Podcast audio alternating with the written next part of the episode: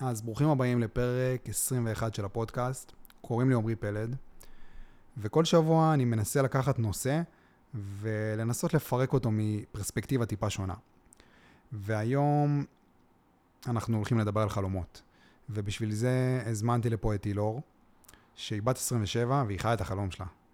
כי היא מגישה בתוכנית של פאולה ולאון, והיא עובדת בקשת, ויש לה הרבה זמן מסך, ויש לה פודקאסט משל עצמה, מאוד מצליח, והיא בעיקר מעבירה הרצאות על איך להגשים את החלומות שלנו, והיא נותנת כלים פרקטיים לעשות את זה. וזה מה שניסינו לעשות היום בפרק. ניסינו לדבר על איך אנחנו מגשימים את החלומות שלנו ב-2022, ומה הכלים הפרקטיים שאנחנו צריכים להתחיל להבין בשביל בכלל להתחיל לשכנע את עצמנו. כי זה, כמו תמיד, מתחיל מבפנים. אנחנו, לפני שנצטרך לשכנע את העולם בחלומות שלנו, אנחנו נצטרך לשכנע את עצמנו. וממש נהניתי מהפרק, ואני מקווה שאתם גם תהנו, ואני מקווה שתקבלו ממנו משהו.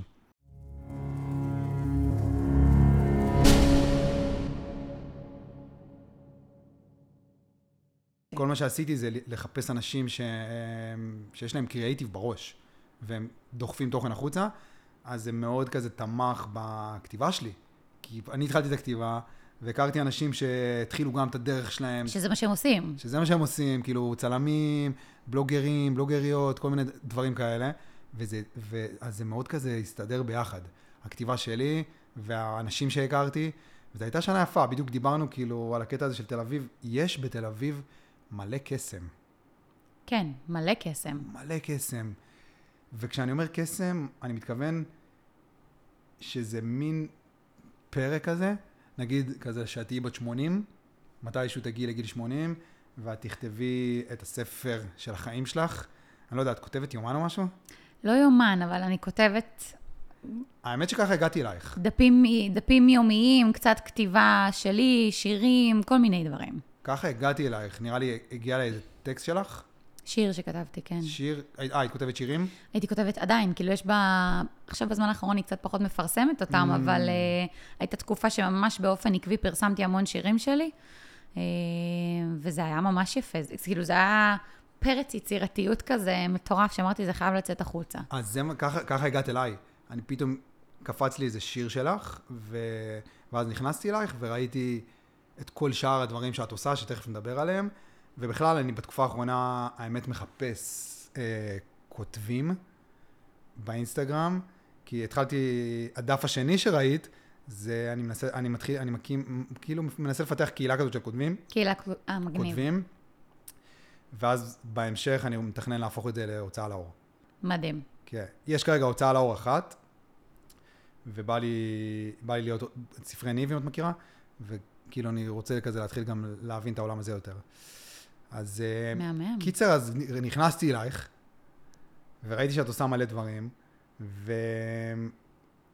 וכל הפודקאסט הזה, המטרה שלו זה, מהרגע שאני מתחיל, שהתחלתי להביא אנשים, זה להגיע לאנשים שעניינו אותי, כזה במבט ראשון, בצורה, ברמה השטחית. פשוט כאילו ראיתי, עניינו אותי, אני רואה, ש... ראיתי שהם עושים מלא דברים, נראה שיש להם אנרגיה של אנשים שמבינים בחלומות, ופשוט לדבר איתם, בלי איזה פורמט או בלי איזה טמפלט, פשוט לדבר איתם ולנסות להעביר את האנרגיה שלהם לפודקאסט, כדי שמי שישמע אותו יוכל להרגיש את האנרגיה הזאת של איך זה מרגיש, כאילו, בן אדם שלא רק מבין בחלומות, גם חי את החלום שלו.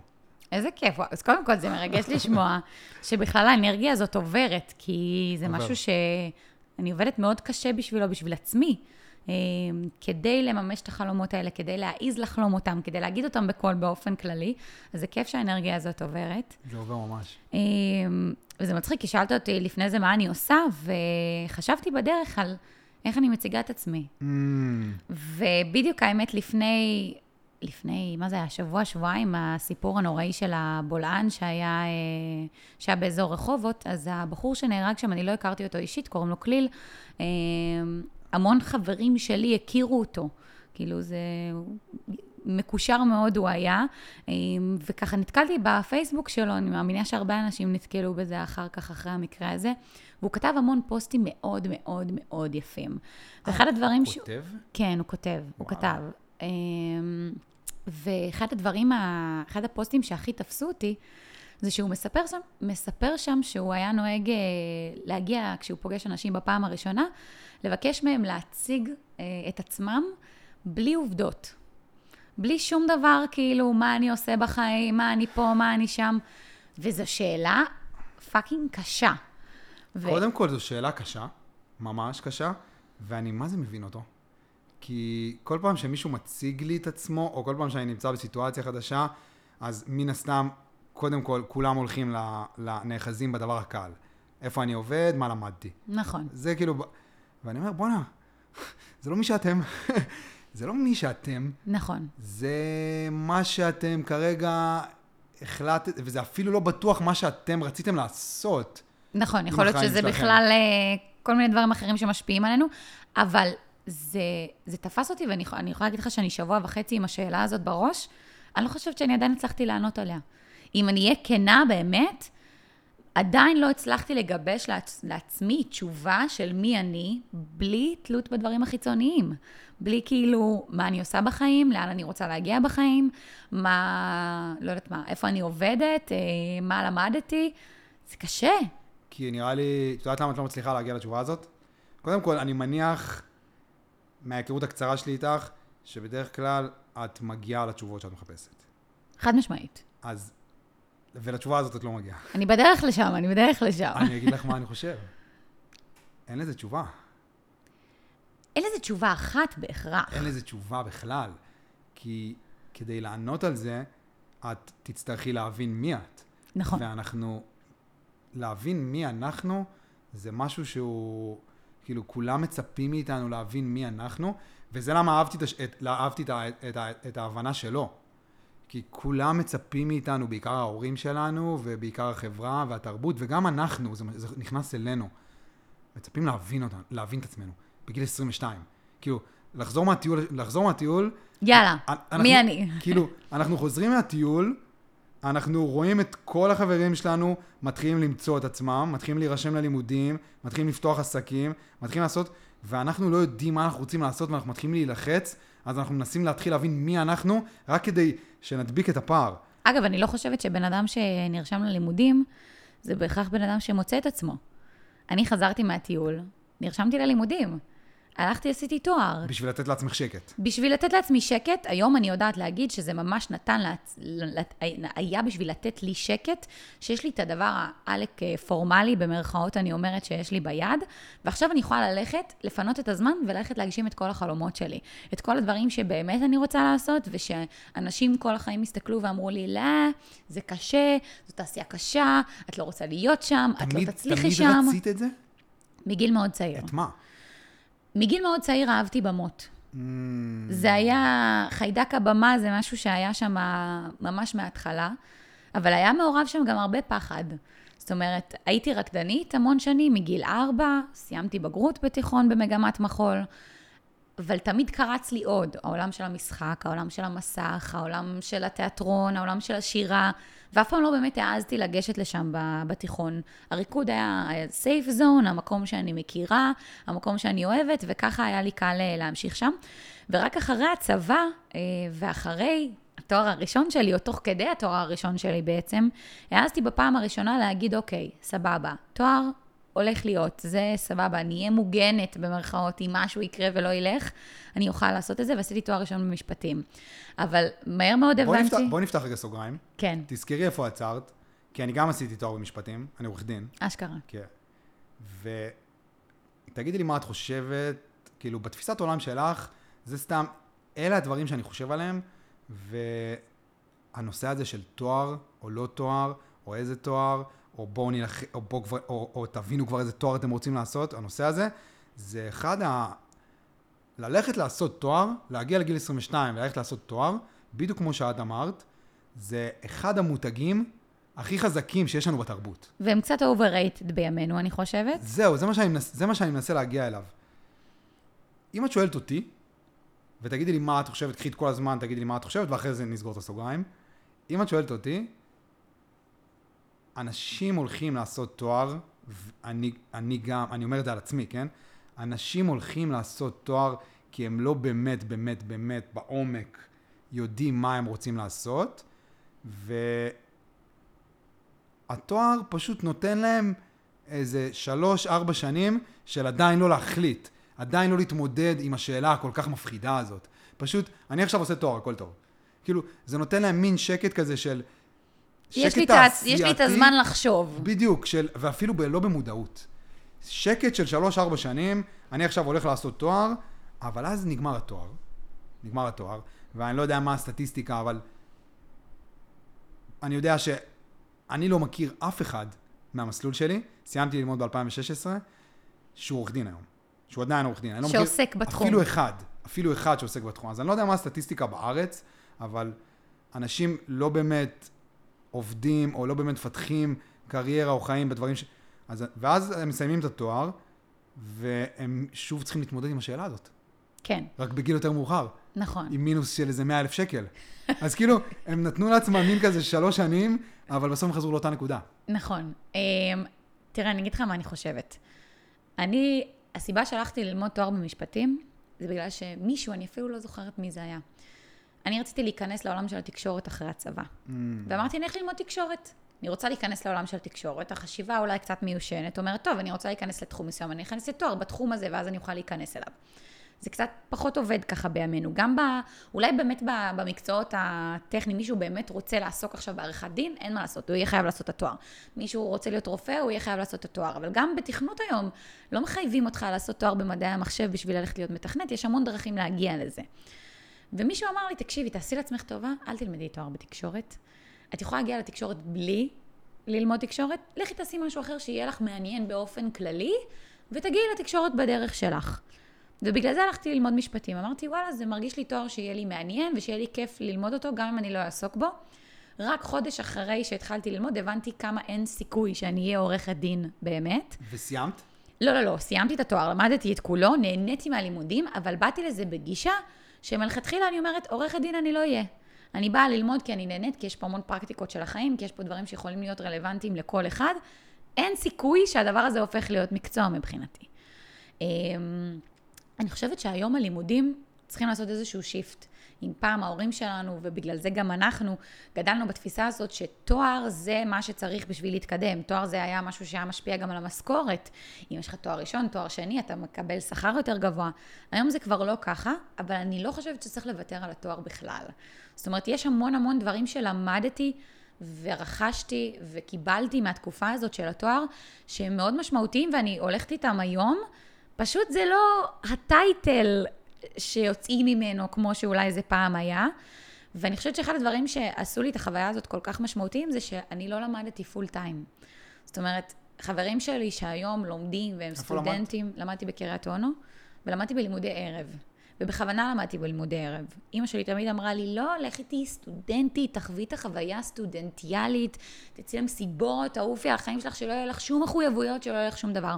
אני לא רציתי את זה, זה לא קסם לי. הרגשתי שאני יכולה ליהנות ולחוות ול, ולצאת ולבלות, ושאני לא צריכה עכשיו להיות שלוש שנים סגורה בתוך אה, אה, בלון שנקרא תואר ראשון, כאילו. אה, היה לי חשוב בזמן התואר, בזמן הלימודים, לצאת ולעשות ולחוות וליהנות ולעבוד ולהתנסות בדברים ולגלות מי אני, כי התואר לא ייתן לי את התשובה לדבר הזה. ואני רואה היום הרבה חברים שלי שהם הלכו ולמדו פרופר, שלוש, ארבע שנים רק לימודים, אתה מאבד את זה, אתה מאבד את עצמך בדרך, אתה לא יודע מה אתה רוצה, אתה שונא את הלימודים, אתה שונא את התואר, אתה לא מבין למה התחלת עם הדבר הזה. אמ, ואני חושבת שהעולם משתנה, וגם הדבר הזה צריך להשתנות איתו. זאת אומרת, זה כבר לא מה שזה היה פעם הלימודים, אני מסכימה איתך. אבל יחד עם זאת, לא הייתי מוותרת, לא הייתי מוותרת על זה לחלוטין. אז עשית תואר במשפטים. עשיתי את התואר במשפטים, אה, ובמקביל לתואר במשפטים עשיתי קורס הגשה ושידור בקשת אה, בערוץ 12. ידעתי שאני רוצה להגיע לטלוויזיה ולמסך, אין לי שום קשרים, שום, לא יודעת מה, אבא שמכיר מישהו או אימא שהייתה בתעשייה. זה עדיין עובד ככה? זה עדיין עובד עדיין ככה. צריך קשרים? חד משמעית, כן? כן. צריך קשרים. קשרים זה דבר טוב, ואני לא חושבת שזה מילה גסה גם. יש אנשים שחושבים שזה מילה גסה. אם היו לי קשרים, וואלה, הייתי משתמשת בהם. יש המון אנשים שאני מסתכלת עליהם לפעמים מהצד ואני אומרת, יואו, איזה כיף לה, כאילו יש לה מלא קשרים. ומצד אחד, כאילו, זה גם מעצבן. אני אומרת, רגע, אבל לי אין, זה לא הוגן. מצד שני, אם היה לי, למה לא? את יודעת מה ההבדל בינך לבין האיש שיש לה קשרים, ולמה את צריכה לשמוח שלך אין? כי דווקא ב... דווקא במקומות האלה, כמו טלוויזיה, דווקא במקומות האלה, שאנחנו צריכים להופיע. צריכים לעלות על המגרש ולהופיע, ולהיות הכי טובים. להיות הכי טובים. אנחנו, כאילו, את הולכת, את בונה עכשיו דרך של הרבה מאוד שנים, אני, אני מניח. טפו חמסה. שאת צריכה להיות הכי טובה שאת יכולה.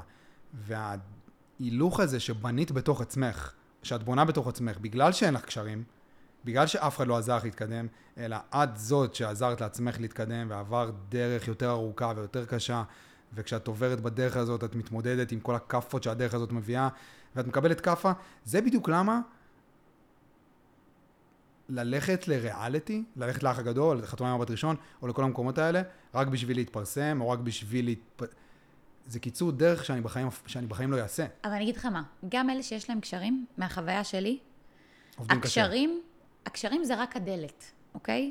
זה אומר שאם עכשיו יש שלושה אנשים שמחפשים עבודה ורוצים את התפקיד המסוים הזה ויש מישהי שיש לה קשרים, אז יכול להיות שיהיה לה יותר קל ושהדלת הזאת תיפתח בפניה יותר במהירות או שיבחרו לקחת אותה בגלל הקשר הזה. האם זה מבטיח שהיא תצליח?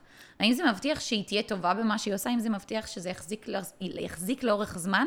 מהחוויה שלי לא. זאת אומרת, בדיוק. גם בן אדם שכבר פתחו לו את הדלת, אז זה אולי קצת קל יותר, ואני אומרת, יואו, איזה מזל יש לה, כאילו, פתחו לה את הדלת. זה לא חוסך מהם שום עבודה קשה. והמון אנשים שלא עושים את העבודה הזאת, ייפלו אחר כך בדרך, גם אם פתחו להם את הדלת. כי מה עם הדרך לדלת? לא, לא יודעת אם אפילו זה הדרך לדלת, כמו שזה הדרך באופן כללי. גם אם יש לך דלת שפותחים לך אותה, מהמם, איזה כיף. כאילו, אני היום יצרתי לעצמי קשרים וזה משהו שהיה לי חשוב בגלל שלא היה לי אותם, שאני רוצה להגיע להמון מקומות ושיהיה לי את הבן אדם לפנות אליו, שאני אוכל ליצור קשר עם אנשים ולפתוח לעצמי את הדלת הזאת. האם זה פסול? בזה שהיום אני מכירה אנשים ופות... ודלתות נפתחות? לא. השאלה מה אני עושה עם הדלת הזאת ואיך אני מתמודדת עם הדבר הזה מהרגע שהיא נפתחה, כי עצם זה שהיא נפתחה לא אומר שאני אהיה שם כל החיים. אני עדיין אצטרך להוכיח את עצמי. וככה גם אנשים שיש להם קשרים מהרגע הראשון. להרבה מהם אולי טיפה יותר קשה לעשות את זה, כי הם לא מנוסים בזה, אבל אני גם מכירה כאלה שפתחו להם דלתות והם מדהימים והם מצליחים, ואיזה כיף להם, כאילו, ו- וכל הכבוד שהם הצליחו לעשות את הדרך הזאת. ויש אפילו עוד עניין, יש את העניין הפנימי. כשמישהו פותח לך את הדלת, אתה לא באמת מאמין, בדרך כלל, אתה לא באמת מאמין שזה הגיע אליך, וזה גם נראה ככה. ואם נכון. את פותחת לעצמך את הדלת, כי עבדת קשה, כי עשית דרך, כי הכרת אנשים לבד, זה בנה בתוכך את האמונה הזאת שאת, שאת חושבת שאת מספיק טובה. את חושבת, לא הם, לא מי שפתח לך, את. ואם את חושבת שאת מספיק טובה, אז פשוט הטווח הארוך שלך הוא הרבה יותר ארוך. כאילו, זה, זה יהיה יותר אמיתי בסוף. זה יגיע יותר מה, רחוק. אני אגיד לך מה, זה, זה, אנחנו מדברים על משהו שאני מתעסקת בו עם עצמי ממש בשבוע וחצי האחרונים הרבה. וזה, כאילו, יצא לנו כמה פעמים, גם אני וגם אתה, להגיד עכשיו עבודה קשה. כאילו, בדרך לאן שאנחנו רוצים, לחלומות שלנו, עבודה קשה. ואני רגילה כל החיים לעבוד קשה.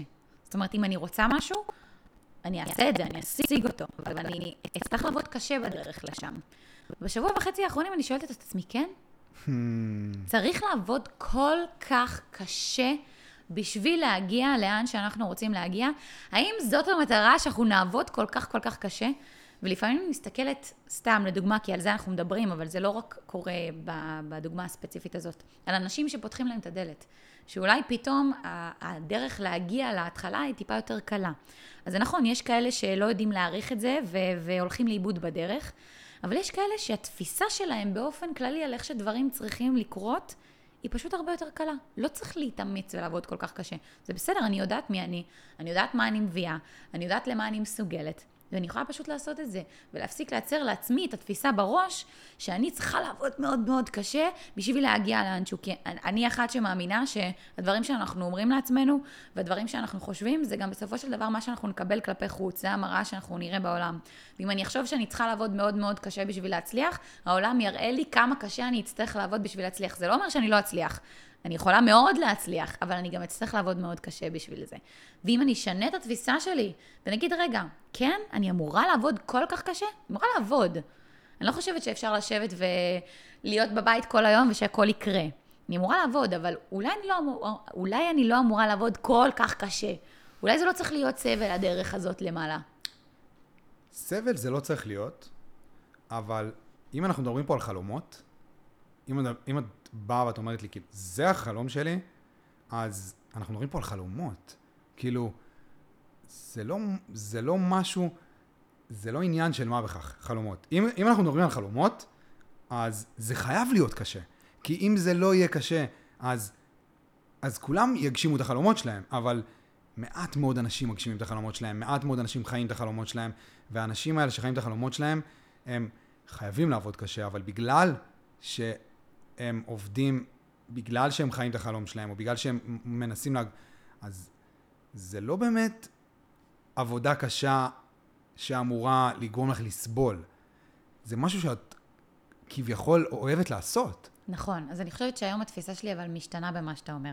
זה נכון, לא הרבה אנשים חיים את החלום שלהם. זה משהו שהוא אחוז. מורכב וקשה, ואני חושבת שהיום, באמת, אני לא, אני חושבת שאני לא מגזימה בזה שאני אומרת את זה, 95% מהאנשים שסובבים אותי ושאני מכירה, לא מעזים אפילו להגיד את החלום שלהם, לעצמם. לעצמם. עזוב רגע כלפי חוץ, שזה השלבים הבאים, ואני חושבת שיש המון על מה להגיד על זה, ו, אה, ובניתי הרצאה שלמה על הדבר הזה, אפילו ברמה הפרקטית של איך אני לוקח את החלום הזה שאני מעז להגיד לעצמי, והופך אותו לכדי מציאות. אבל ב, בתור התחלה, אנשים אפילו לא יודעים להגיד לעצמם מה החלום שלהם.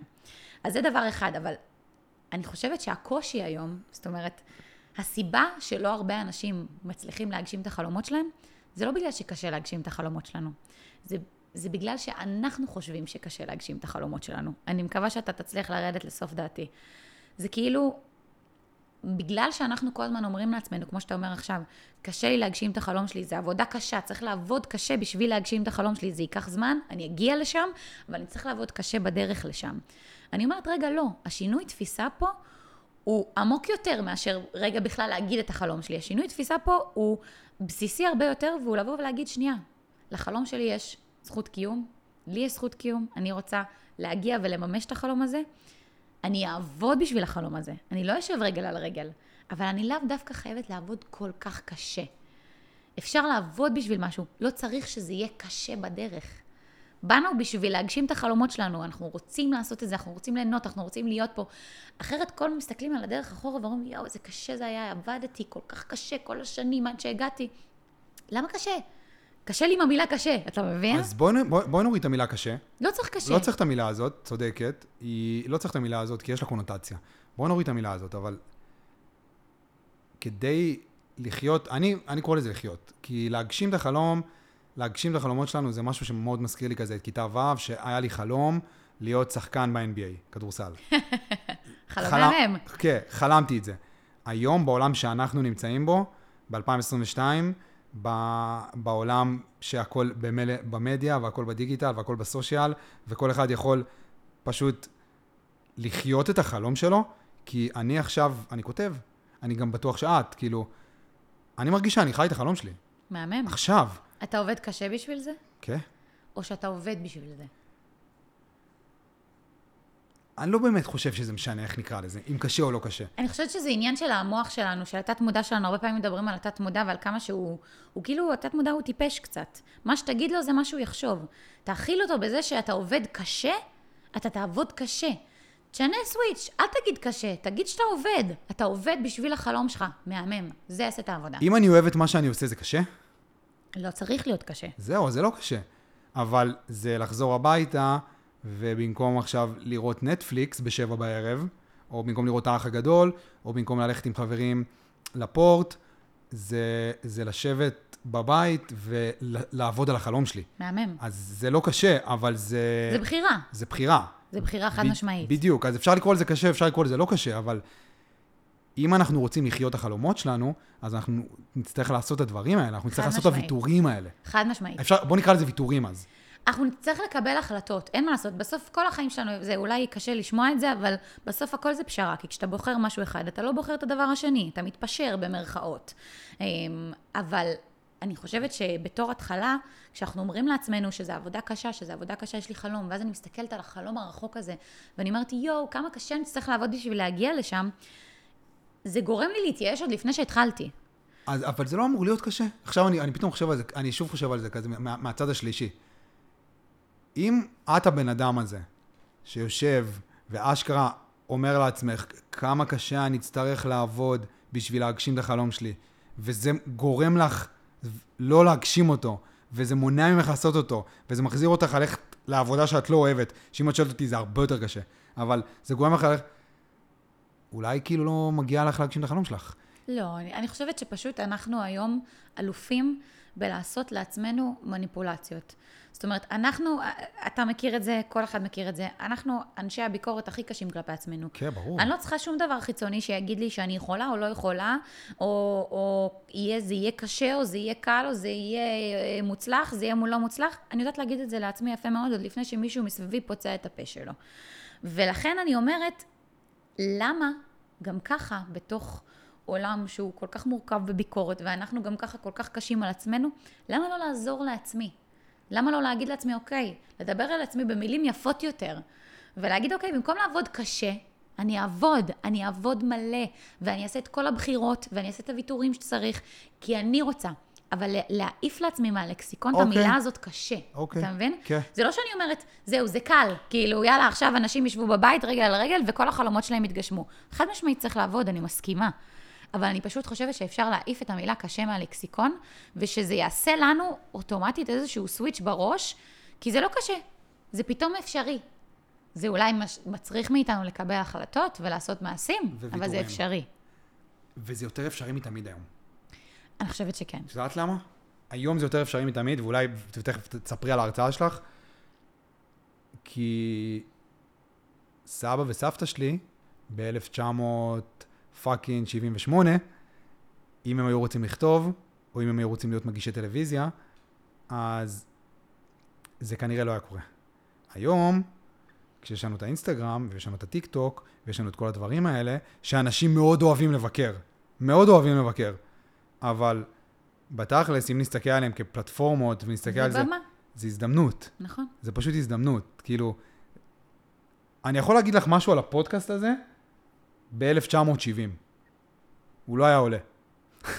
לשום מקום. לא, עזוב, ברמה הטכנית לא הייתה טכנולוגיה אולי אפילו בשביל בדיוק, להעלות אז אותו. היום יש את הטכנולוגיה בשביל להגשים את החלומות שלנו. זה הקטע. יש היום את הטכנולוגיה בשביל להגשים את החלומות שלנו, אז היום, כביכול, את צודקת, זה לא קשה. האמת, שכנעת אותי, זה לא קשה. זה יותר קל מתמיד. לחיות החלומות שלנו זה יותר קל מתמיד. פשוט צריך לעשות סוויץ' בראש. ויתורים. צריך לעשות סוויץ' בראש, ולהבין בעיניי ש... כמה דברים. קודם כל צריך להעז לחלום אותם בעיני עצמנו. זאת אומרת, אם אני לא אהיה מסוגלת להגיד מה אני רוצה, מה החלום שלי, אז איך הוא יקרה? אז איך באמת? זה הדבר הראשון. איך, איך באמת? איך מישהו יודע מה החלום שלו? אז אני חושבת, אני מאמינה בדבר אחד. המוח שלי מדמיין, כולנו יושבים וחולמים, כאילו בבית יושבים רגע ומפנטזים לעצמם, יואו, הלוואי והיה לי ככה, איזה כיף אם זה היה ככה, איך הייתי רוצה להגיע לככה. גם אם שנייה אחרי זה אנחנו מפחדים ואומרים, יואו, לא, לא, אין סיכוי. אנחנו, הראש עובד, אנחנו חושבים את הדברים האלה. אם המוח שלך חשב על משהו מסוים, סימן שאתה יכול להגיע לשם. האם אתה תגיע לשם? זה כבר תלוי בהרבה החלטות וויתורים ומעשים שאתה תצטרך לעשות. אבל אם המוח שלך מסוגל לדמיין אותך, מקים הוצאה לאור ומוכר מיליון ספרים בחודש, סתם אני זורקת, אין לי מושג אפילו אם המספרים נכונים או לא, סימן שאתה יכול לעשות את זה. אם אני מדמיינת את עצמי עומדת ומעבירה הרצאה על במה מול 5,000 איש, סימן שאני יכולה, ביכולת שלי, אני יכולה לעשות את זה. האם זה אומר שאני אגיע לשם? לא בטוח, אבל זו התחלה טובה. למה? כי המוח שלי בחיים, אני לא מדמיינת את עצמי, עומדת אה, מעל אה, בן אדם בחדר ניתוח ועושה אה, השתלה אז למישהו. בעצם את אומרת שהדרך, זה להתחיל בלסמוך על עצמנו. אבל איך, אבל הדרך להבין מה החלום שלי, כי הרבה אנשים אומרים לי, אני מדבר הרבה על חלומות, הרבה אנשים אומרים לי, כאילו, כזה, אני מדמיין אותם כזה, מקשיבים לי, כזה מדבר, ו, או שאני מדמיין אנשים עכשיו מקשיבים לנו, מדברים, וכזה, קוסמה, כאילו. הם יודעים, הם יודעים. אני לא יודע, אבל. אני לא יודע אפילו. אני, או אני עובד בעבודה שאני לא אוהב, אני... יש לי הלוואות, יש לי התחייבויות, יש לי חברים, יש לי חברות, כאילו, יש לי טמפלט של חיים שאני כבר מאוד רגיל לחיות. איך אני, איך אני מוצא את זה? איך אני יודע מה החלום שלי? אז, אני, אני אז, בן 24, איך אני יודע מה החלום שלי? אז קודם כל זה בסדר לא לדעת. בטח בגיל 24, וגם בגיל 27, וגם בגיל 35, וגם בגיל 40. כל אחד עושה את הדרך שלו בהקשר הזה. אז הדבר הראשון שאני חושבת שצריך להגיד לעצמנו, ואני אומרת לעצמי אותו הרבה, תקדמי קצת אלינו, אני כאילו מפחד שזה לא תופס אותך. סבבה. הנה, עכשיו נראה יותר טוב. אז הדבר הראשון שאנחנו צריכים להגיד לעצמנו זה, זה בסדר רגע לא לדעת, זה בסדר. מותר לנו לא לדעת, אנחנו לא חייבים לדעת את הכל תוך חמש שניות. עכשיו אוקיי, הבנו את זה, אנחנו רוצים לדעת. אז זה להתחיל באמת, וזו עבודה קשה, צריך לעשות את זה עם עצמנו, זה להקשיב לקולות הקטנים האלה בראש, Mm. שלפעמים אנחנו כל כך רגילים להשתיק אותם. אני מאוד אוהבת לשיר, מאוד אוהבת. אבל תמיד גרמו לי להרגיש מגיל קטן שאין לי את. היכולת. שזה לא עובד. אפילו הלכתי לפיתוח קול כשהייתי קטנה, ואחרי כמה חודשים הפסקתי. אבל זה משהו שאני תמיד אוהבת. אוהבת לשיר במקלחת, כקלישאה, אוהבת לשיר באוטו, אוהבת מוזיקה באופן כללי, וזה מין חלום כזה שאני הדחקתי הצידה כל כך כל כך הרבה זמן, שגם כשזה עולה אני כבר לא מאמינה לעצמי שזה חלום בכלל. כי אני לא, אני כנראה לא מספיק טובה בזה. אבל הדבר הזה כל הזמן חוזר, זאת אומרת, אני כל הזמן מוצאת את עצמי נמשכת ברגעים קטנים למוזיקה, נמשכת ברגעים קטנים לשירה, נמשכת ברגעים קטנים למילים, מאוד, המילים מאוד עושות לי את זה בהקשר הזה. ואז אמרתי לעצמי, אוקיי, אז רגע, אז הקול הזה כל הזמן חוזר בפנים, אז אולי כדאי שאני אקשיב לו. הוא לא סתם חוזר. המוח שלי יודע, לפעמים יותר טוב ממה שאני מוכנה להודות בפני עצמי שהוא יודע. אז צריך באמת ללמוד לניואנסים, ואם משהו חוזר על עצמו, גם אם אנחנו רגילים להגיד לו, לא, לא משנה, להקשיב לזה, ולנסות לעשות צעד קטן, קטן, קטן בכיוון. אז אני עכשיו פעם ראשונה עשיתי צעד בכיוון. ש- של השירה? של השירה. ו- וסגרתי לעצמי שיעורי פיתוח קול. עכשיו, אני אגיד, לקח, להגיד לך כמה זמן זה לקח לי לעשות את זה? הכי בכנות? דקה? לא. אה, כן, ברגע שהחלטתי. כמה זמן לקח לי עד שעזרתי את האומץ ואמרתי, יאללה, אני, אני מתחילה לעשות משהו לכיוון הזה? שנתיים. שנתיים הבנתי. מאז שאמרתי לעצמי בפעם הראשונה, רגע, אני באמת אוהבת לשיר, למה אני עוצרת את עצמי? וזה משהו שהמשכתי לחשוב עליו לאורך הזמן. ואז פניתי לחברה וביקשתי המלצה למורה לפיתוח קול. והיא שלחה לי, תוך שנייה היה לי את הטלפון ביד. ולקח לי עוד שבעה חודשים מהרגע שהיה לי את הטלפון ביד, לשלוח הודעה למורה לפיתוח קול ולקבוע את השיעור. זה לקח המון זמן, וזה בסדר, הדברים האלה לוקחים זמן, אבל צריך ללמוד להקשיב לעצמנו ולתת מקום לאותן מחשבות, וברגע שנעשה את זה, זה כמו שריר, המוח זה כמו שריר. אנחנו נלמד להקשיב לו, עוד ועוד ועוד דברים יצופו, ואנחנו נדע לזהות את זה יותר מהר, ולא נצטרך לחכות שנתיים עד שאני באמת אקבע את השיעור. פעם הבאה שיבוא לי ש- חשק, שזה גם בסדר. זה בסדר החיים גמור. ארוכים. החיים ארוכים. זה בסדר גמור, ואני לא שופטת את עצמי על התהליך כן, שעברתי. בדוק, כי זה התהליך שעברת. כי זה התהליך שעברתי. כן. אבל אני יודעת שהיום אני יכולה בקלות יותר להקשיב לקולות הקטנים האלה, ולהגיד לעצמי, לשאול את עצמי, רגע, באמת אני לא יכולה לשיר? או שאולי זה סתם תפיסה מיושנת שלי, ובעצם זה מה שאני רוצה לעשות. וגם אם כולם מסביב יגידו, לא, אין לך סיכוי, את לא יכולה. ככה זה עם חלומות. אבל מה זה משנה? זה מה שאני רוצה. אני עושה את זה בשבילי, אני חיה בשבילי, אני לא חיה בשביל אף אחד אחר. אני פה נטו בשבילי. הם תמיד ירימו גבה. כולם. הם במילא מרימים, במילא. נכון. בין אם את הולכת לחלומות ובין אם לא, הם במילא מרימים. ותמיד יהיה מה להגיד, תמיד יהיה לכאן ותמיד יהיה לכאן, ובגלל זה בסופו של דבר, וזה באמת... אז עכ- עכשיו אנחנו בעצם נכנסים לסיבה של, אוקיי, נגיד, הבנתי מה, מה החלום שלי, כי הקשבתי לקולות ה- הקטנים. המאוד קטנים ופנימיים, ונזכרתי איזה דברים אהבתי לעשות כשהייתי ילד, ו... ו- ואני רואה אחרי איזה דברים אני עוקב. בסוף זה גם, מה אני אוהב לעשות? נכון. כאילו, הדברים, ש... הדפים שאני עוקב אחריהם באינסטגרם, זה מה שמסקרן זה אותי, זה מה שאני אוהב. שמושך אותי. כן, אז, נכון? אז אם נתתי טיפה יותר מקום לכל המקומות האלה, אז לאט לאט אולי התחלתי להבין באמת מה אני אוהב, עזבי חלומות, מה אני אוהב לעשות, מה, מה אני, אני רוצ... רוצה. מה אני רוצה לעשות. סבבה, זה איך לוקחים את זה לפרקטיקה של החיים? בדיוק. עכשיו, זה, זה סימן טבעי. אני הבנתי מה אני רוצה לעשות, הבנתי מה אני אוהב לעשות. אני אוהב משחקי מחשב. יופי, מעולה. הדבר הבא, הצ- הצעד הבא, ש... בסדר, הבנתי מה אני רוצה לעשות, זה, זה השלב שכמעט אף אחד לא באמת יודע מה אוהב. שלב הבא זה השיפוטיות, אני נכון. חושב. מה עושים עם זה? אוקיי, אז קודם שיפוטיות כל... מהסביבה. אז זה, זה קשה. אני... זה, זה השלב. זה, זה קשה. זה השלב שכולם נופלים בו, לא? זה קשה, ואני, את ההרצאות שלי אני מסיימת בשיר קטן של אה, נועם חורב, שאני מאוד אוהבת, שהוא אומר, קוראים לשיר משאלה. ו... והוא אומר, אם, לי מש... אם הייתה לי משאלה אחת כמו בסיפורים, הייתי מבקש להצליח לממש את העצות שאני נותן לאחרים. Mm, ואני מאוד אוהבת את זה, כי כל הדברים שאנחנו מדברים כאן עכשיו, קל לנו להגיד. קל לנו להגיד, ומצד שני, הכי בכנות, לא קל לנו לממש. זאת אומרת, כל הדברים האלה שאני אומרת, כשמדברים על זה רגע עם מישהו, ומנסים לעזור למישהו אחר, הרבה יותר קל לנו. כלפי עצמנו, אנחנו נהיה מאוד מאוד קשים בסיטואציה הזאת. וכמה שאני אגיד עכשיו שצריך לא להיות שיפוטיים כלפי עצמנו, ולהיות נאמנים לעצמנו, ולנתק את כל הקולות רגע מס... רקע מסביב, זה לא קל. אני לא תמיד מצליחה לעשות את זה בעצמי. אבל זה, אבל זה קריטי בתהליך הזה, ויותר מזה, ברגע שכבר כאילו התחלנו לזהות את הדבר הזה שאנחנו רוצים, יש שני דברים חשובים שצריכים לקרות בעיניי. אחד, זה להבין שקודם כל, זה בסדר גם אם חלום משתנה בדרך, אוקיי? זאת אומרת, אין צורך בעולם הזה שאנחנו נמצא לעצמנו חלום אחד, ואיתו נלך כל הדרך, 70 שנה, נעבוד קשה בשבילו. זה בסדר, הרצונות שלנו משתנים. הרצונות שלנו משתנים, החלומות שלנו משתנים. אז כרגע אנחנו חולמים על משהו אחד, כרגע אנחנו רוצים משהו אחד, מהמם, איזה כיף. יש לנו התחלה טובה. בואו נתחיל להבין מה יצא מזה, מה יכול לקרות מזה. הדבר השני, זה להעז להגיד את זה בקול.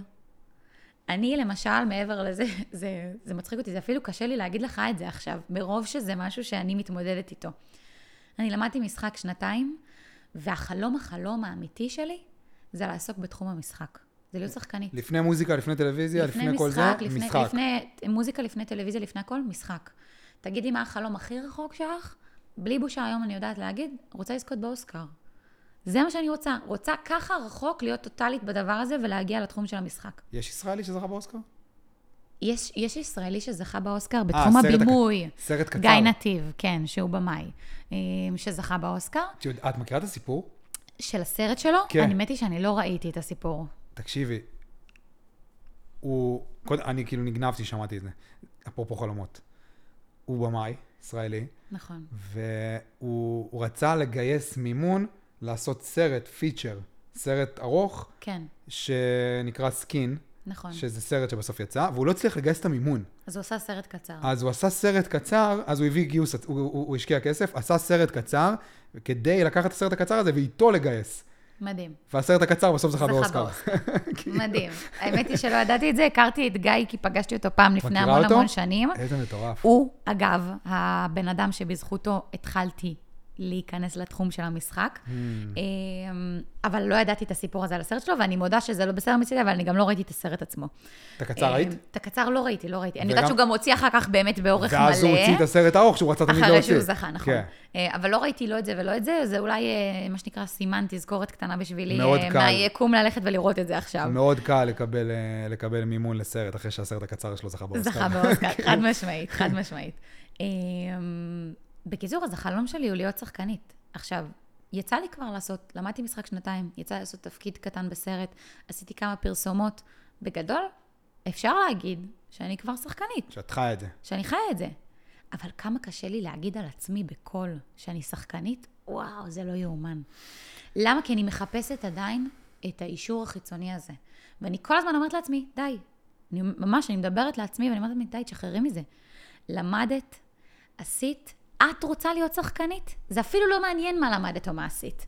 מגיע לך להיות שחקנית. את מותר לך לבוא ולהגיד את הדבר הזה החוצה לעולם, וגם אם אנשים עכשיו יסתכלו עליי ויגידו לי, נה, אז זאתי לא שחקנית, מה עשתה? כל תפקיד קטן וכמה פרסומות, כאילו, איזה שחקנית, יש לה עוד דרך ארוכה. אז קודם כל, כן, יש עוד דרך, לא יודעת אם ארוכה, יש דרך, ואני מוכנה לעבור אותה. אבל זה לא אומר שאני לא שחקנית. זה לא אומר שאני לא רוצה להיות שחקנית, זה לא אומר שאני לא צריכה להציג את עצמי כשחקנית. והרבה פעמים כשאנחנו מתחילים כלפי חוץ לעולם להגיד את מה שאנחנו רוצים, או את מה שאנחנו שואפים להיות, או את מה שאנחנו אפילו עכשיו, אנחנו גם מייצרים איזשהו אה, חוזה או התחייבות מולנו להתחיל ולעשות את הדבר הזה. כי אם אני שחקנית, אז, אז יאללה, אז בואו נעשה דברים ש... ששחקנים עושים. את יודעת, זוכרת קודם שדיברנו על המילה קושי, וניסינו להבין אם זה קשה, אם, אם צריך לעבוד קשה בשביל להגשים את החלום או לא צריך לעבוד. ויש לי דעה מאוד, כאילו הדעות שלי משתנות תמיד, כל יום, כל יום הדעות שלי משתנות. שזה הגדולה בעיניי. כל יום, כל לדעת יום. לדעת לשנות את הדעה שלך ולא להתקבע על משהו. לג... כל יום. ויש לי דעה מאוד ברורה לגבי הדבר הזה, וכאילו מבחינתי, זה עבודה קשה. להגשים. להיות שחקן. להגשים חלומות. אה, באופן כללי. באופן כללי, זה עבודה קשה. ו... ואז העלית את הטענה שלך, וזה כזה תפס אותי לא מוכן, ועכשיו, בזמן שדיברת, פתאום כאילו נפל לי האסימון. הקושי בלהגשים חלום הוא לא לעבוד קשה. לעבוד קשה, אם את שואלת אותי, יותר קשה לעבוד בעבודה רגילה שהיא לא החלום שלך, כל יום, במשך חד שנים, משמעית. יותר קשה. חד משמעית. הקושי בלהגשים חלום זה ההבנה שאתה זה שבונה לעצמך את הדרך כל יום. וכדי לבנות לעצמך את הדרך כל יום, לפני שאתה משכנע את העולם בדרך שלך, אתה צריך לשכנע את עצמך בדרך שלך. נכון. וזה קשה. הקושי, זה הקושי. נכון, הקושי הוא, אני מסכימה, הקושי הוא אישי שלנו. זה הסוויץ' שאנחנו צריכים לעשות עם עצמנו בתהליך. זה לא עבודה קשה כלפי חוץ, כי ברגע שאתה עושה את הסוויץ' בראש שלך, ואתה אומר, אני לא עובד קשה, אני עובד כי זה החלום שלי. אני עושה את זה כי אני רוצה להגיע לשם, אני עושה כי אני מגשים את עצמי בדרך לשם, אז זה לא צריך להיות קשה. מה שקשה זה ההתמודדות היומיומית עם זה שאין לך דרך ברורה. זה הקושי. זה... זה הקושי. אני חושבת שתראה, זה... מישהו אמר לי את זה לפני uh, כמה שנים, וזה מאוד נכון, ועדיין קשה לי עם זה, אבל אני מזכירה לעצמי את זה כל פעם שאני חושבת על זה. אין שום דבר בעולם שלנו שהוא ודאי. חוץ מדבר אחד, שיום אחד לא נהיה פה יותר. יום אחד כולנו נמות, זה לא... אבל גם אנשים שהם עובדים עכשיו בהייטק לצורך העניין, אוקיי? וכביכול יש להם עבודה יציבה והכל בסדר, והם נוח. יודעים שהמשכורת... זה כאילו, זה אשליה. אנחנו מספרים לעצמנו סיפור שזה יותר נוח מאשר בן אדם שיושב בבית וצריך לייצר לעצמו ולכתוב. אבל הנה, עכשיו בהייטק יש גלי פיטורים, ואנשים יכולים למצוא את עצמם בלי עבודה.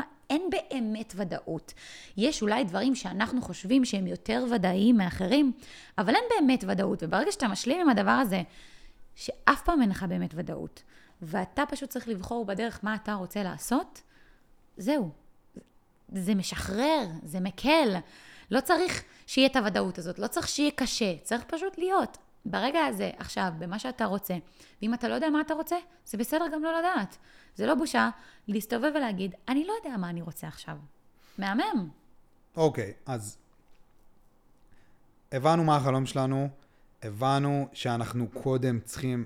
להודות, בפ... לשכ... להודות בפני עצמנו. לשכנע את עצמנו בחלום הזה.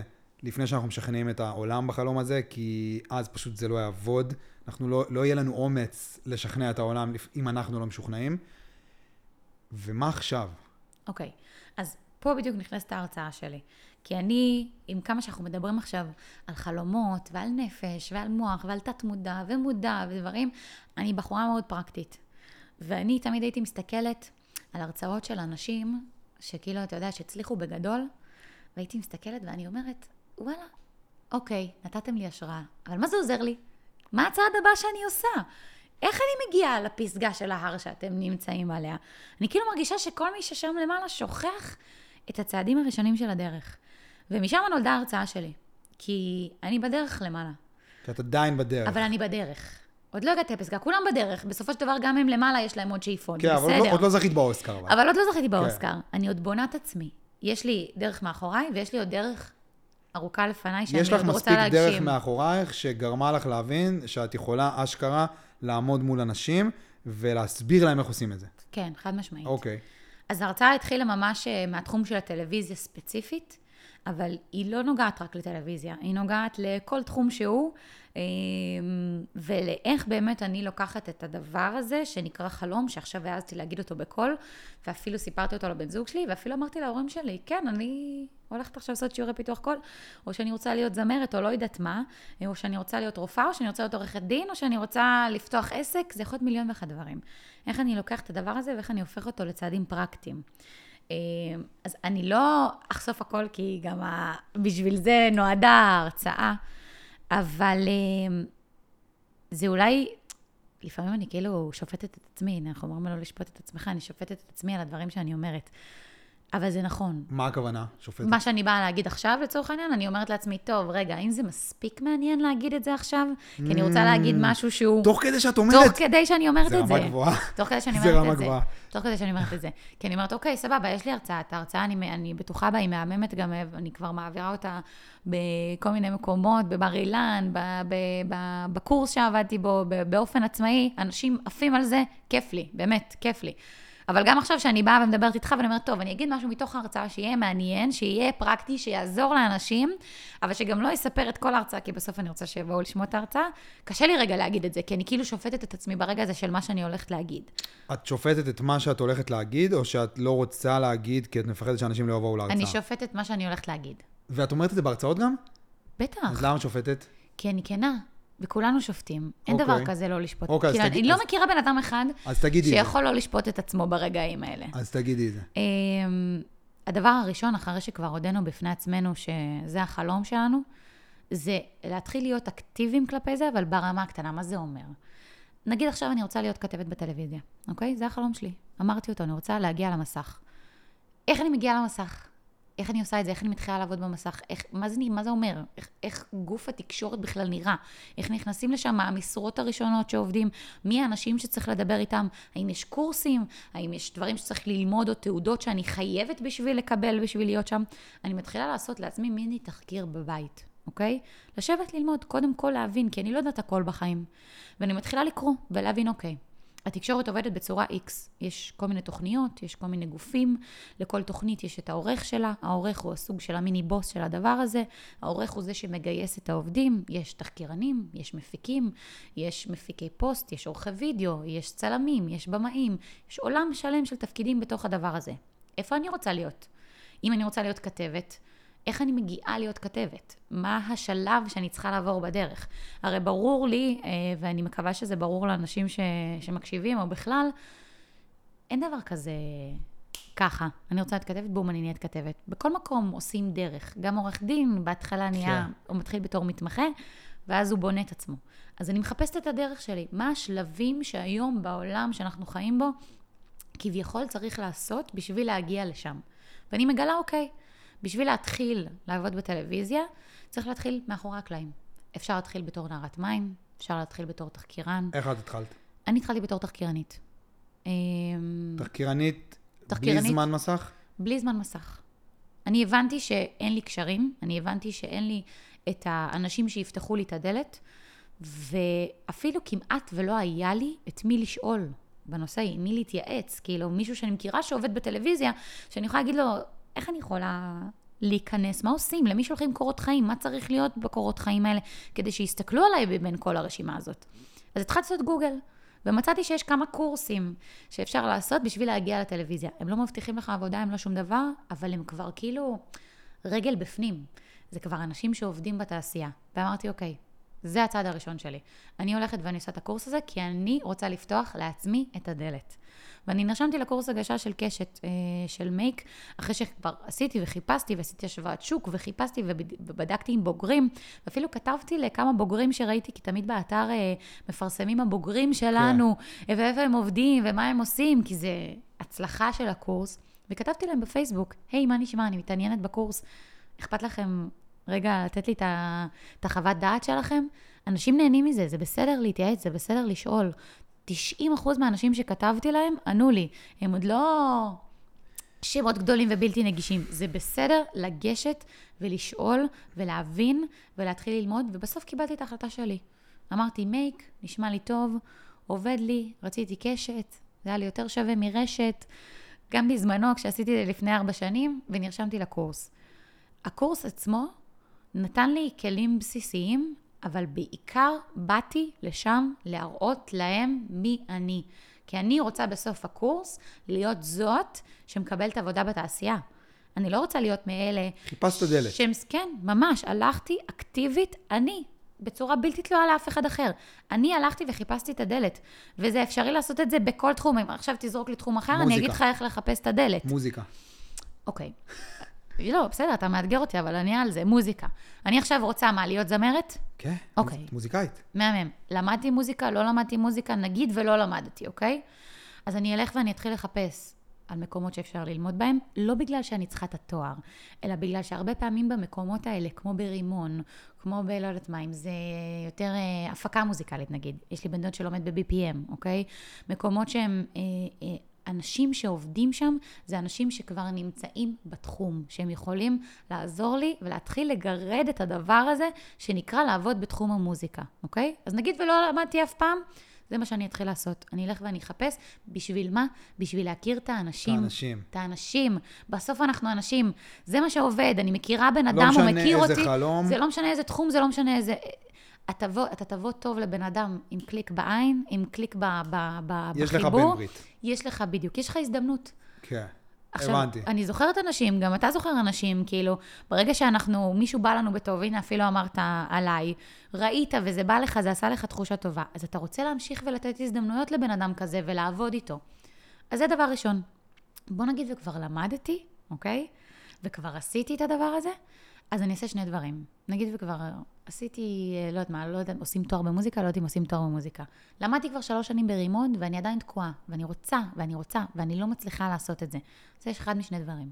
אחד, זה, אנחנו בעולם של רשתות, אה, אינסטגרם, פייסבוק, יוטיוב, אני אתחיל לעשות ולהעלות. כן, את לא עושה להעיז טיקטוק? ולהעלות. טיקטוק אני לא עושה. תקשיב, אני עשיתי טיקטוק אחד, כי כולם אומרים לי שאני חייבת לעשות טיקטוק, ועשיתי טיקטוק על זה שכולם חייב, אומרים לי שאני חייבת לעשות טיקטוק ואני לא עושה טיקטוק, ומאז לא עשיתי עוד טיקטוק. אם כולם אומרים לך, אז אני לא אגיד לך. אבל um, פשוט, זה כמו שסבא וסבתא ב-1970 לא היה כל הדבר הזה, פשוט הגיע משהו חדש, שהוא הטיקטוק של היום, וזה גם משהו פרקטי, האמת. כאילו, בסוף זה גם דרך פרקטית להגשמת חלום.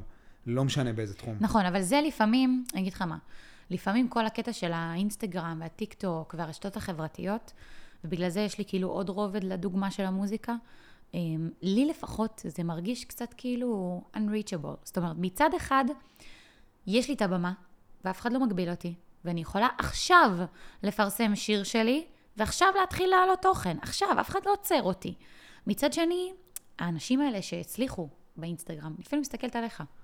יש לך 18,000 עוקבים, 19, 20, לא זוכרת כמה, ב- בעמוד שלך. יש לך בעמוד, אה, בעוד עמודים של אה, כתיבה שעשית כמעט 100,000 עוקבים. אני היום עם כמעט 5,000 עוקבים. זה נחשב ממש לא הרבה בתחום שלי. ואני מסתכלת על אנשים כמוך, ועל אנשים עם הרבה עוקבים, ואני אומרת, איך? זה מרגיש לי רחוק. אז בגלל זה אני אומרת, מצד אחד סבבה, נכון, האינסטגרם שם, צריך להתחיל, צריך לעשות, זה בסדר, אבל יש עוד דרכים שיכולים לגרום לי להרגיש שאני, שאני שם, שאני עושה, שאני בונה, כי, כי לפעמים האינסטגרם הוא, הוא קשה, קשה, קשה כאילו, קשה להצליח בו, אוקיי? לא מאוד. אז uh, אני לא לא אוהבת את. המילה קשה, וזה אפשרי, אבל, אבל זה, זה, זה אתגר שאני מתמודדת איתו בעצמי, כל התחום הזה של האינסטגרם, אה, ובגלל זה אני חושבת שצריך לעשות אותו. גם לעצמי אני אומרת, צריך לעשות טיקטוקים, צריך לעשות אינסטגרם, צריך לעשות הכל. אבל במקביל לזה, בעיניי, צריך לעשות עוד משהו כדי לעזור לעצמנו להרגיש שאנחנו באמת, שמגיע לנו לעסוק בזה, מה שנקרא, שאנחנו ראויים להגשים את החלומות שלנו. אז בהקשר של המוזיקה, מעבר לזה שהייתי אה, מעלה אה, אה, את? התכנים שלי, לצורך העניין בהקשר הזה, אני בתחילת הדרך, בדרך כלל זמרים בתחילת הדרך הולכים לצורך העניין להיות זמרי ליווי, אוקיי? איזה כיף זה זמר בתחילת הדרך ללכת עכשיו להופיע עם רותם כהן, עם עומר אדם, עם אה, מירי מסיקה, עם לא יודעת מי. זה, זה, שלב שהוא מהמם בדרך והוא משמעותי, ולומדים ממנו המון, ומתחילים להכיר אנשים בתעשייה, ומתחילים לשמוע על מפיקים, ומתחילים לעבוד עם זמרים, ועם נגנים, ועם זמרים, ואולי ייצור לי שם חיבור עם איזה מישהו, ויהיה לי קליק אה, יצירתי איתו, ואני אוכל ליצור דברים טובים. זאת אומרת, בסוף זה אנשים שמכירים אנשים, אז, אז איך אני מגיעה לזה? אז אני אתחיל לחפש. מי המפיק המוזיקלי של מירי מסיקה? ומי האנשים אה, שאני צריכה לדבר איתם ב-BPM שאולי יכולים לחבר אותי, כי הם עכשיו מחפשים, אה, לא יודעת מה, אה, מפיקים מוזיקליים שיעזרו להם שם בעבודות סיום של אנשים. אני אתחיל לחפש את הבן אדם, שאליו אני יכולה לשלוח הודעה, את הבן אדם שהוא נגיש לי. כי אולי אם אני אשלח עכשיו הודעה למירים סיקה, היא לא דווקא תענה לי. אבל אולי אם אני אמצא את הבסיסט שלה, או את הזמרת ליווי שלה, או את המפיק המוזיקלי שלה, או את המנהל האישי שלה, אולי הם כן יענו לי בהודעה בפרטי. ואני אוכל לבוא הכי בכנות, לב על השולחן, קלפים על השולחן, היי, נעים מאוד, קוראים לי לורד צחור. אני למדתי ברימון שלוש שנים, זמרת, יוצרת, מתה להשתלב בתחום. אני ממש ממש רוצה להיות זמרת ליווי של מישהו, אני רוצה לעזור ביצירה כך וכך, אני לא יודעת, אני לא מספיק בקיאה בניואנסים. האם במקרה אתם מחפשים מישהי? האם אתה מכיר מישהי שמחפשת מישהי? וגם אם הם אומרים לא, הכל בסדר. מהמם, איזה כיף, תודה רבה על הזמן. אם במקרה משהו ישתנה, אני אשמח אם תזכור אותי. אני קוראת לזה כמו חכות. כאילו, דייג, אה, יש לי חבר שעושה דייג. דייג זה אה, ספורט, אפשר לקרוא לזה, שצריך להמתין. זאת אומרת, לפעמים צריך להמתין, זורקים את החכה. ואנחנו לא יודעים מתי בדיוק הדג יחליט שם מתחת למים לתפוס את הביס ולקחת אותו אלינו. אבל אני מסתכלת על זה כזריקת חכות. זאת אומרת, כל בן אדם כזה שאני יכולה ליצור איתו קשר, שיכול אולי להוות לי דלת, שיכול אולי לעשות, להיות הדג הזה, השמן, שאני רוצה לתפוס אותו במים, אני זורקת חכה. ואני משאירה אותה שם, ומבחינתי היא שם, ולך תדע מתי זה יצוץ. וזה עבד לי, זה עבד לי מלא פעמים, וזה עבד לעוד מלא אנשים שאני מכירה, כי בסוף אתה מדבר עם הבן אדם, אתה זורק את החכה, ואתה לא יודע מתי הדבר הזה יתפוס אותו שוב. אפילו אצלנו זה מצחיק, נזכרנו בזה עכשיו לפני שהגעתי לכאן. הייתה לנו פעם אה, שיחה בכלל בהקשר של העבודה הקודמת שלך בטרמינל איקס. אני בודק, זה מצלם. ו... ובוואטסאפ זה לא הסתדר בסוף.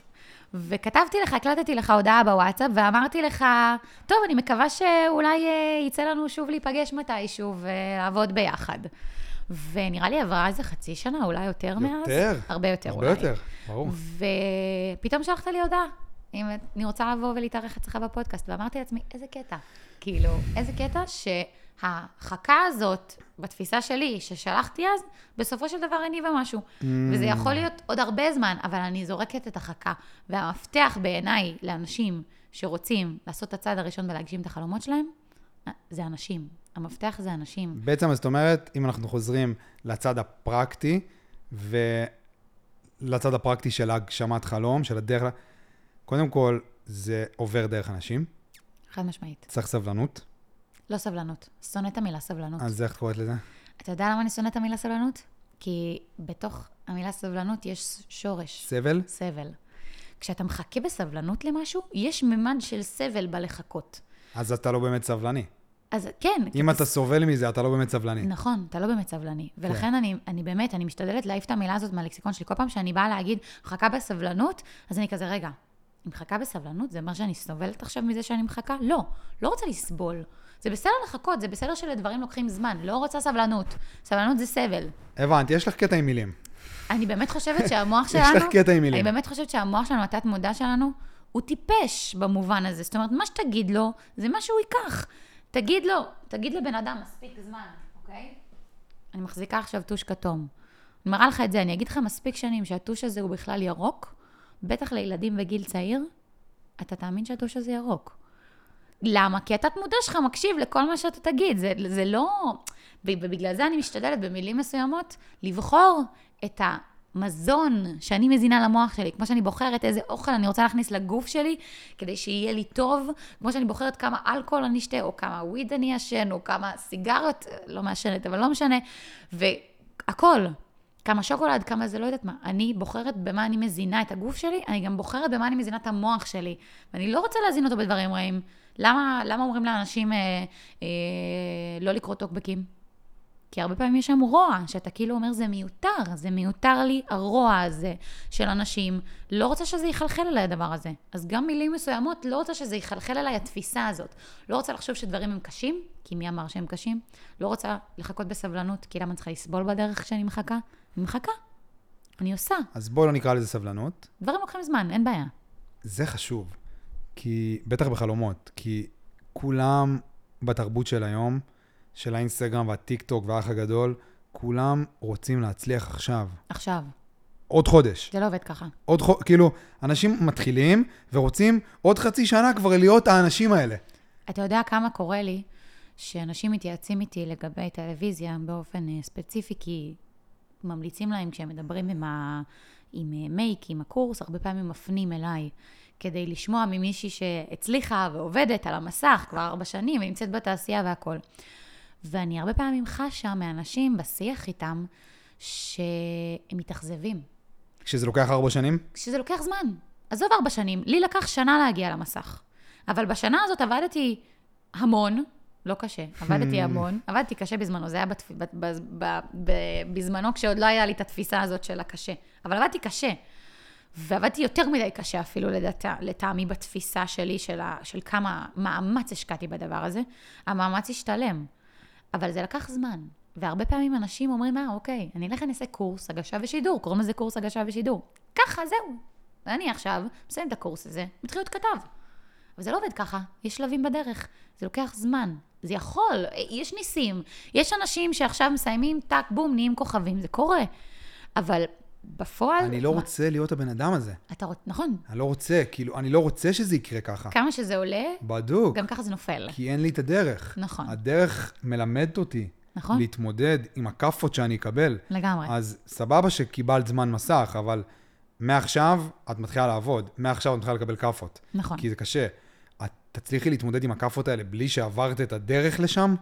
אז צריך פשוט להבין שזה דרך. כל, כל משרה, לרצות כל את דבר. הדרך.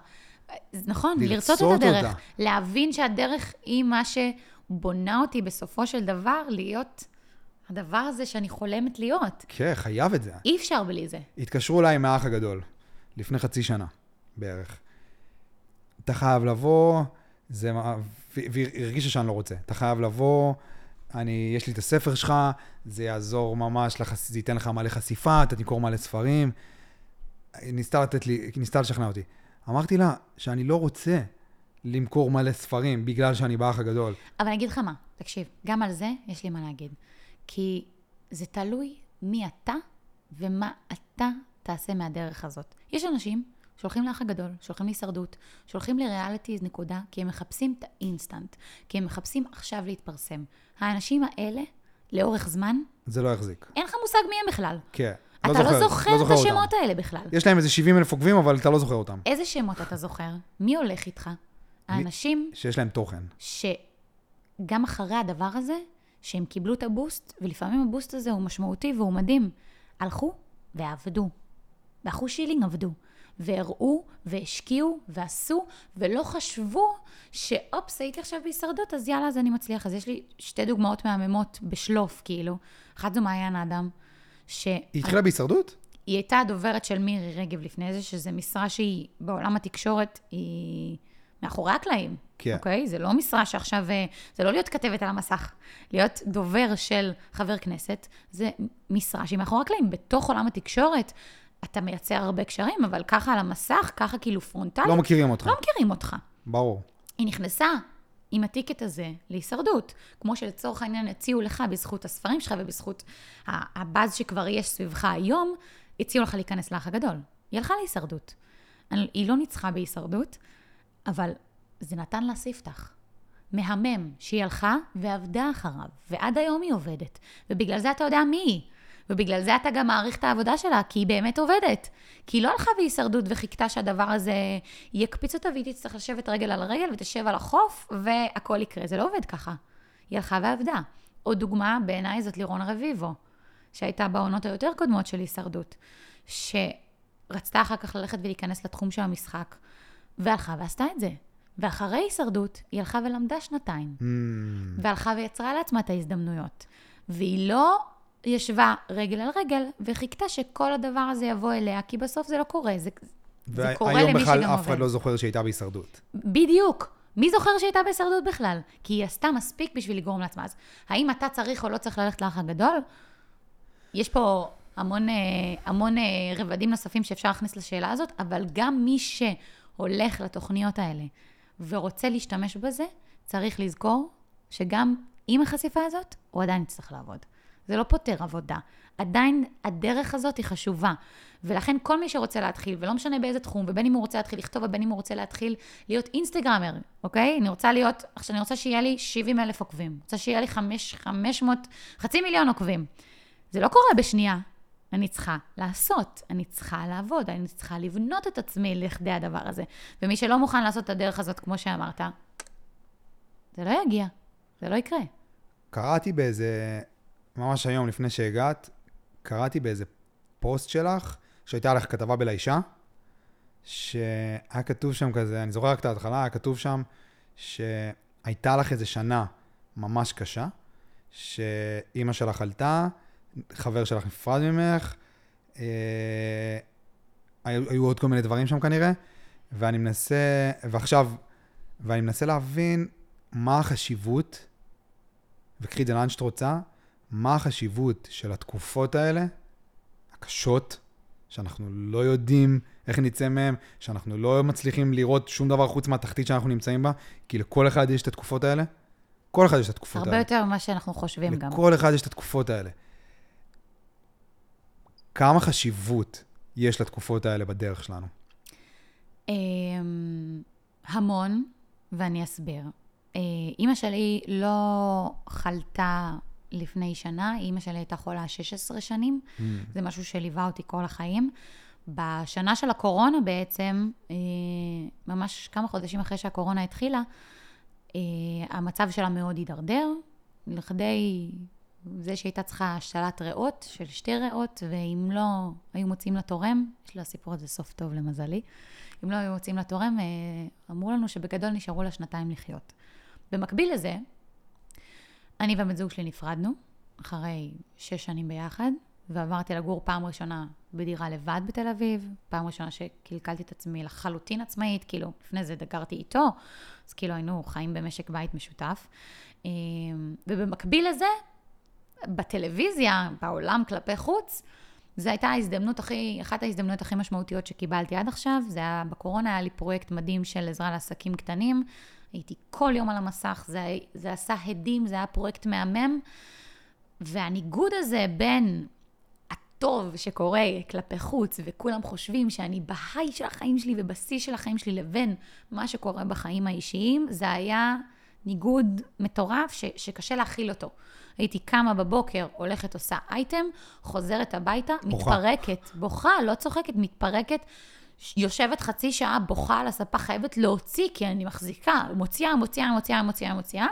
קמה אחרי חצי שעה, הולכת עושה עוד אייטם. כי עבדתי בכמה תוכניות במקביל בזמן הזה. הולכת, מצלמת אייטם בתוכנית של הצהריים, חוזרת הביתה, בקושי מכניסה משהו לפה, ועוד פעם בוכה, מתפרקת. ככה, up, down, up, down, up, down, up, down. את רוצה שאני אקרא לזה קשה פשוט, אם את לא, את לא רוצה לקרוא? לא, את, לא. את רוצה שאני אקרא לזה עבודה קשה? זה שדברים, זה שדברים הם קשים לפעמים, כן. אני פשוט, כשאני, כשאני קשה לי עם המילה קשה, זה אני אומרת עתידית. אני לא רוצה להגיד לעצמי על משהו עתידית שהוא יהיה קשה, עוד לפני שאני יודעת אם הוא קשה או לא. אם עכשיו קשה לי, לגיטימי, קשה, מותר שיהיה קשה. הבנתי, אז הגע, הגענו להסכמה בסוף על הדבר הזה. אתה מבין? כן, זה, הבנתי. זה הניואנס, זה. החידוד של הדבר הבנתי. הזה מבחינתי. אמ, זו הייתה תקופה מאוד קשה, אבל מה היא בנתה בך? קודם כל, היא לימדה אותי להתמודד עם החוסר ודאות, והיא לימדה אותי בעיקר לסמוך על עצמי. כי ברגעים כאלה, שאתה לא יודע מה הולך לקרות, לא עם אמא, אין בן זוג או בת זוג שילוו אותך בדרך הזאת, שבעבודה הכל מצליח, אבל כאילו, בגלל שזה במין כזה, הייפ כזה גדול, אז אנשים לא באמת מבינים מה קורה בפנים, בחיים, ביום-יום שלך. אני הבנתי שיש לי משהו אחד, יש לי אותי. וזה הדבר הכי חשוב. כי ברגע שאני הבנתי והפנמתי שיש לי אותי, ושיחד איתי, כאילו, אני, כאילו, אני עם עצמי, מה שנקרא, יכולה לעשות הכל ויכולה להתמודד עם הכל, גם ממה שקשה וגם ממה שטוב, ולתת לעצמי את הרגעים האלה שאני צריכה לבכות. ובפעם הראשונה בחיים שלי, בכיתי. כשהיה בא לי לבכות, בכיתי. בכיתי את הנשמה שלי. פעם הייתי בוכה, ואז אחרי כמה דקות הייתי אומרת לעצמי, טוב, יאללה, לא, חלאס, צריך להקים את עצמך, צריך לעשות, אי אפשר לשבת ולבכות ככה כל היום. לא, זה בסדר, יש תקופות שמותר לי גם לשבת, לבכות ולהגיד חרא ומר גורלי, ו- ואיזה באסה ואיזה חרא, ולפרוק ולתת לרעל הזה לצאת מהגוף שלי החוצה, ולהבין שאיזה כיף שיש לי אותי, ושאני יכולה להרים את עצמי ולעשות. וזו המתנה הכי גדולה שלי מהתקופה הזאת. ואני, תוך כדי שקשה לי בתקופה הזאת, אני אומרת לעצמי, אין, זה, אני הולכת לצאת מזה חזקה יותר. אני הולכת לצאת מזה חזקה יותר. זה חרא, אבל אני הולכת לצאת מזה חזקה יותר. וזה קרה, וזה עובד, ואני הרבה פעמים אומרת לעצמי את הדבר הזה בתקופות קשות. ולפני, לפני ה... נקרא לזה פריצה, לא פריצה, אני עוד מחכה לפרוץ בתפיסה שלי, אבל לפני העבודה המשמעותית הזאת שהייתה לי בתקופה של הקורונה עם העסקים הקטנים, אני עבדתי בתוכנית אחרת בחי בלילה, ובשלב מסוים לא היה לי טוב. לא, לא הרגשתי, הרגשתי שלא טוב לי במקום עבודה, לא רציתי, איבדתי קצת את החשק שלי. ועשיתי צעד מאוד אמיץ מבחינתי, ו- והתפטרתי ולקחתי צעד אחורה מהתעשייה. וזה היה אחד הדברים הכי מפחידים שעשיתי בחיים שלי. כי אני כבר הגעתי למסך, אני כבר שנתיים בתעשייה, אני עובדת על המסך, אני כבר מגשימה את החלום שלי. אבל לא, משהו לא עובד לי. משהו לא עובד לי, ואני לא מצליחה כאילו, ואני לא רוצה לוותר על החלום שלי, אבל משהו לא עובד לי. והבנתי שבשביל עצמי אני חייבת לקחת צעד אחורה, והתפטרתי, והלכתי ועבדתי בחנות. והיה לי מה זה קשה, אגו, וואו, איך זה קשה באגו. מה עכשיו, אני אלך לעבוד בחנות, אבל אני כבר בטלוויזיה, אני על המסך. ואמרתי, אין מה לעשות, אני חייבת את זה בשביל עצמי. וכל הזמן אמרתי לי בראש, אני לוקחת שני צעדים אחורה, בשביל לקחת, אני לוקחת צעד אחורה בשביל לקחת שניים קדימה. אני לוקחת צעד אחורה בשביל לקחת שניים קדימה. וזה קרה. בסוף זה קרה, חזרתי ככה לתעשייה, כי היו צריכים ורצו שאני אעבוד שם, ואז הגיעה ההזדמנות וזרקתי חכות וזה עבד. והרגעים האלה של הקושי, זה זמני. גם אם לרגע זה נראה, ובתוך השנה הזאת, הקשה הזאת של הקורונה, היו רגעים שאני כאילו מסתכלת ואני אומרת, איך? איך זה הולך להשתנות? איך זה הולך להיות טוב יותר? אני לא, אני לא רואה את הדרך, אני לא מבינה מה הולך לקרות, שעכשיו זה ישתנה, שעכשיו פתאום יתחיל להיות לי טוב. זה, זה לא הגיוני לי שזה הולך לקרות. צריך לזכור שזה זמני. זה עובר, באמת, באמת, זה קלישאה, אבל זה עובר. קלישאות לא נהיו סתם קלישאות. הן כאלה באמת, כאילו, כי הן נכונות. אמ, זהו. אז זה, אני חושב, הנושא שאני הכי אוהב להעמיק בו, וזה, וזה גם נושא טוב לסיים איתו את הפרק, כי כל הפרק הזה היה על חלומות, ו, ואיך בכלל ניגשים לדבר הזה, ואיך בונים בתוך עצמנו את הביטחון בכלל להבין שמותר לנו לחלום.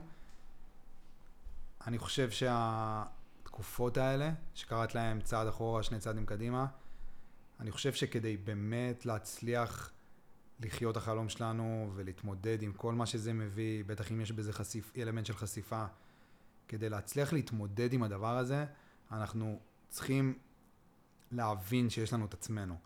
והדרך היחידה להבין שיש לנו את עצמנו, זה שאין לנו שאנחנו מגיעים לתקופה שאין לנו שום דבר להאחז בו. לא בזוגיות, לא בעבודה, לא בהורים, שאנחנו מרגישים שאין לנו במה להאחז, אנחנו פשוט מתחילים להאחז בעצמנו. נכון. וזה הדבר הכי קשה שיש במיקרו. אבל הכי חשוב. אבל במקרו, זה הדבר בסוף שייתן לנו את העוצמות האלה לחיות החלומות שלנו. לגמרי. וסתם רגע אני אשלוף, מעניין אם יש לי את זה בשלוף.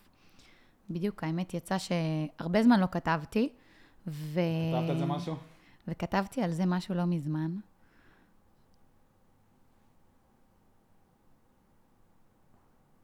אמ, האמת שיאללה, אתה יודע מה? יש לי משהו אחר להקריא שהוא ממש יפה לסיום. אמ, אוקיי, זה פשוט בית אחד אחרון, כי הוא בדיוק מה שאמרת עכשיו, אמ, שכתבתי, יש דבר אחד שהבנתי היום, ועליו אני לא אוותר, יש לי אותי, ויחד איתי אצייר לעצמי עתיד טוב יותר. אז זה דבר אחד שהוא בעיניי בדיוק מה שדיברנו, אבל בהקשר של רגע של הקושי וה, והדרך וה, והדברים שאנחנו עוברים, והשנה הזאת, אז בתוך השנה הזאת כתבתי שיר אחד שאני מאוד אוהבת ומקריאה גם בהרצאות שלי. אה, רגע, בוא נשלוף אותו, בוא נשלוף אותו.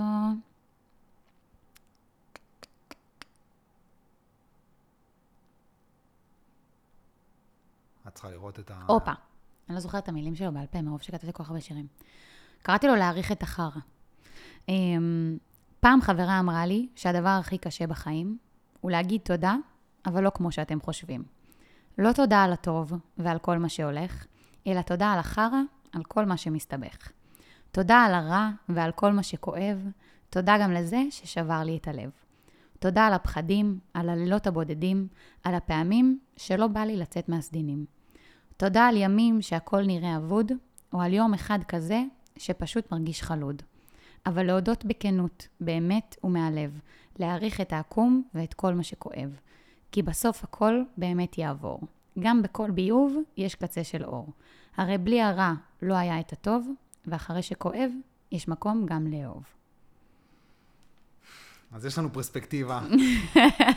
יש לנו פרספקטיבה חדשה להאחז בה, לדעת גם להעריך את ההתמודדויות, ובאמת שאין דבר שיותר כיף לדבר עליו מעל חלומות. לגמרי. ו- וזהו, ואני מקווה ש- שזה עבר.